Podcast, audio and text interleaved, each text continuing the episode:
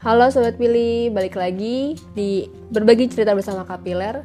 Kali ini kita dapat cerita dari sobat kita yang namanya Avi Jadi awalnya Avi ini punya tante yang suka berbagi Mulai dari harta, ilmu yang dikuasai, sampai sekedar senyum ramah ke orang-orang yang ditemuin Nah, terinspirasi dari beliau akhirnya Avi ini mulai sering berbagi Mulai dari senyum ramah, atau bahkan sekedar nyediain waktu buat dengerin curhatan teman-teman dan ngedoain kebaikan buat mereka.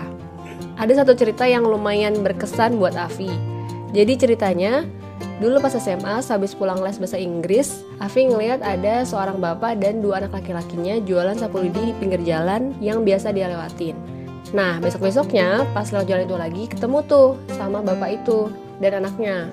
Akhirnya Avi mulai sering minta Buya atau ayahnya buat berhenti sebentar tiap ngeliatin mereka beli sapu lidi dan akhirnya jadi suka ngasih roti ataupun makanan. Sampai satu hari pas Avi lewat situ, si bapak penjual lidi dan anak-anaknya udah nggak ada di situ lagi.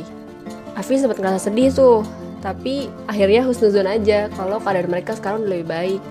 Sambil nggak lupa juga ngedoain mereka Apalagi pas inget kalau bapak tersebut selalu senyum waktu ketemu dulu dan juga akhirnya ngerasa bersyukur banget karena pernah memutuskan buat berhenti dan sedikit berbagi sama mereka.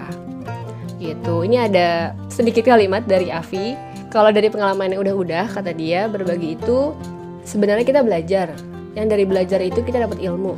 Dapat ilmu apa? Dapat ilmu buat lebih bersyukur sama nikmat-nikmat yang udah kita kita dapetin dan juga belajar empati ilmu yang bikin kita kaya hati dan juga menyenangkan orang lain dan juga diri sendiri gitu.